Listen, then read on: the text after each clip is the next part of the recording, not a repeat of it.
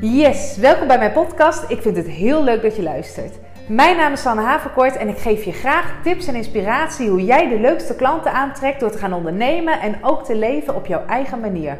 Want als jij doet wat bij jou past, trek je ook klanten aan die bij jou passen. Niet door bullshit verkooppraatjes, maar gewoon doordat je laat zien wat je kan en doordat je mensen ontzettend vooruit helpt en blij maakt met datgene waar jij goed in bent en wat je het allerliefste doet.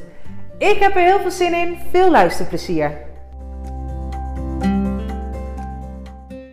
Hoi hoi, Sanne hier met weer een nieuwe podcast waarin ik je tips en inspiratie wil geven voor een agenda lekker vol klanten.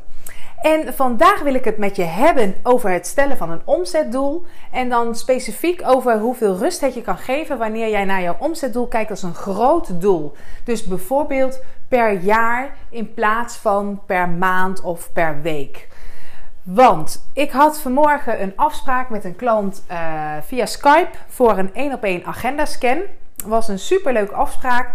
En in de agenda scan ga ik uh, mijn klanten helpen om overzicht te krijgen in hun doel.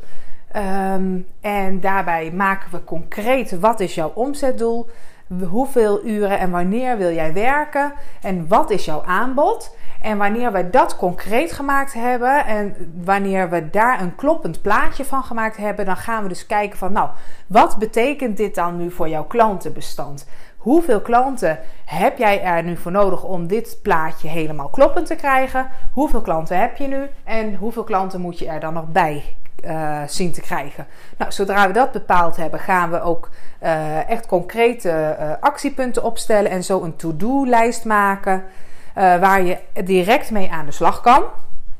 Um, ik had ook de leuke inspiratie met de klant die ik vanmorgen had. Ik zeg, oh, de volgende keer ga ik echt aangeven aan, aan mijn klant van... hou na onze afspraak even twee uur leeg in jouw agenda of even een dagdeel leeg. Zodat je ook echt direct ook met de eerste to-do's aan de slag kan. Uh, want ja, zij zat ook zo vol inspiratie. Maar ze moest daarna ook nog naar een andere afspraak toe. En ach, ze zei dat geeft niks, want daarna heb ik wel tijd. En dan, ho, dan ga ik aan de slag.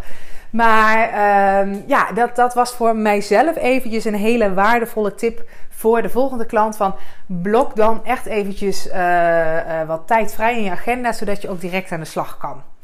Uh, maar goed, we stellen dus direct uh, actiepunten op en die zetten we op een to-do-lijst. En dan gaan we kijken wat heb je er nou voor nodig uh, om te zorgen dat je die to-do-lijst ook echt kan gaan uitvoeren.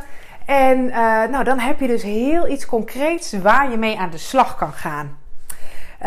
nou, dat, dat is dus eigenlijk het hele proces wat we dan doorlopen. Ehm, maar ik wil nu dus even specifiek dat omzetdoel eruit lichten. Ehm, ik ga dan kijken ehm, samen met de klant van, nou, wat wil je graag uh, zelf voor loon hebben hè, elke maand? Uh, wat zijn de kosten die je maakt voor je bedrijf? Uh, nou, ik uh, laat dan eventjes zien hoe je dit bijvoorbeeld in kan gaan delen via de Profit First methode. Ehm, de Profit First methode die werkt zeg maar, met geld in aparte potjes zetten, zodat je ook direct rekening houdt met geld wat je bijvoorbeeld aan de Belastingdienst moet betalen. Dat je een potje hebt voor je bedrijfskosten, uh, een potje hebt voor je salaris. En in het Profit First model zit er dan ook een potje bij in, um, uh, wat altijd 5% van jouw omzet is. En dat is dan het potje winst.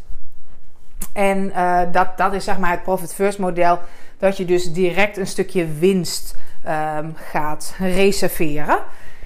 Um, nou, dat neem ik daar dan ook in mee, dus dat is interessant. Maar wat mij vooral aanspreekt aan het Profit First model is dus die verschillende potjes die je gelijk ook weer heel veel overzicht geven. Uh, en ook wel inzicht geven in, nou, wat is nou gebruikelijk dan wat ik apart moet zetten uh, aan in de verhouding van wat ik zelf aan loon wil verdienen. Wat is dan gebruikelijk om apart te zetten voor bijvoorbeeld de Belastingdienst of voor mijn bedrijfskosten? Nou, dat is ook een hele fijne richtlijn om te hebben. Dus daar gaan we mee aan de slag. En als we dat op een rijtje hebben gezet, dan komt daar dus een omzetdoel uit. Uh, tellen we natuurlijk nog de BTW bij op. En dan heb je jouw maandomzet.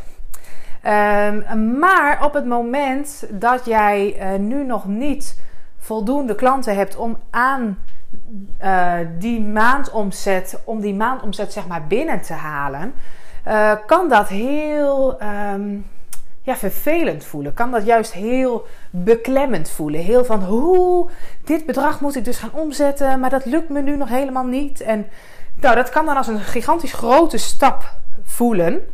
En wanneer jij dus gaat kijken van oké, dit bedrag wil ik dus omzetten per maand. Dat houdt in dat dit mijn jaaromzet uh, uh, moet worden. Um, even een um, uh, rekenvoorbeeldje. stel jij wil bijvoorbeeld 5000 euro omzetten per maand, dan is dat een uh, jaaromzet van 60.000 euro. Nou, dan kan jij dus denken van hoe, ik zet nu bijvoorbeeld pas um, ehm, 1500 euro om en ik wil groeien naar die 5000 euro omzet per maand. Uh, dat is natuurlijk een hele grote stap en dat kan dan heel beklemmend voelen. Maar op het moment dat jij gaat kijken op jaarbasis, van nou dan is het per jaar 60.000 euro. Maar dan kan dat dus ook betekenen dat er één maand is dat jij bijvoorbeeld die 1500 euro omzet, maar dat je ook een gigantisch um, drukke en volle maand hebt waarin jij bijvoorbeeld uh, eh, 8000 euro omzet. Um, of wanneer jij bijvoorbeeld um, werkt met trajecten of met strippenkaarten, dat jij in één maand heel veel trajecten of strippenkaarten verkoopt en dat dat dan in één keer een heel, een heel groot deel omzet is. Uh, terwijl je dan in de eerste uh, maanden dat je, dat je hiermee aan de slag gaat, dat dat bedrag misschien nog lager is, maar dat je daar naartoe werkt. En weet dan ook van oké, ik wil al die potjes gaan vullen, uh, maar ik kan dat dus ook op jaarbasis gaan bekijken. Of misschien vind jij het prettiger om het op basis van een half jaar te gaan bekijken. Of op basis van drie maanden. Dat, dat kan allemaal. Maar door het plaatje wat groter te maken, krijg je voor jezelf wat meer inzicht in: oké, um, het is dus niet erg als mij dit niet direct de eerste maand lukt. Want ik, dit is mijn doel. Dit is mijn stip op de horizon. Hier wil ik naartoe werken. En dat kan je wat, wat, wat meer lucht en wat meer ruimte geven. En dan kan je ook gaan kijken van oké, maar wat kan ik nu deze maand wel doen om in elk geval er dichterbij in de buurt te gaan komen. En dan kan je ook gaan kijken hoeveel tijd heb ik dan nu nog beschikbaar en hoe kan ik dat dan in gaan vullen. Nou, dat, daar gaan we dan ook mee aan de slag hè, om, die, om, die, om die invulling te geven. Uh, en daar, daar, daar dus echt actiepunten van te maken. Maar probeer voor jezelf eens te kijken nou, wat is nou mijn omzetdoel? Misschien vind jij de Profit First methode ook heel erg interessant. Uh, kijk in elk geval van, goh, kan ik uh, aparte potjes maken, zodat ik voor mijzelf ook echt, um, dat je zeg maar je omzet hebt en dat je daarvan eerst jouw 21% BTW alvast apart zet, want die moet je natuurlijk uh, bij de BTW-aangifte gelijk afdragen. maar dat je dan ook een potje maakt voor je eigen salaris. Uh, een potje maakt voor je bedrijfskosten, een potje maakt voor het bedrag wat je aan de Belastingdienst moet betalen. En eventueel, als je dus, uh, hè, zoals de Profit First methode ook uitlegt, ook een potje maakt voor winst. Uh, maar ben je natuurlijk helemaal zelf vrij in om te kijken van, nou, hoe deel ik dat in? Vind je het trouwens interessant? Denk je van, nou, maar hoe, hoe werkt het dan precies met de verhoudingen? Laat me dat weten, want dan vind ik het wel leuk om daar ook een keer een podcast over te maken. Want dat, als ik dat nu helemaal uitsplits uitleg, dan is dat een beetje lang. Uh, maar als je denkt van nou, ik vind dat wel leuk om daar wat meer over te horen, dan uh, stuur me gerust eventjes een berichtje op, uh, op Instagram bijvoorbeeld, op mijn account sannehavenkort.nl. Dan, dan weet ik dat daar ook vraag naar is. Um, en sowieso is het altijd heel erg handig om natuurlijk eventjes met je boekhouder ook om tafel te gaan en te kijken van nou, hè, wat, waar moet ik nou rekening mee houden belastingtechnisch. Um, maar in het Profit First model komt dat ook wel heel mooi. Uh, zit wel een hele mooie richtlijn hiervoor in. Maar ga voor jezelf eens op een rijtje zetten. Kijk wat je zelf wilt verdienen. Maar ook wat voor kosten je hebt aan je bedrijf. En denk daarbij ook aan scholing. En uh, nou, alles wat je nodig hebt ook om jouw bedrijf uh, ja, ook echt te laten bloeien en groeien.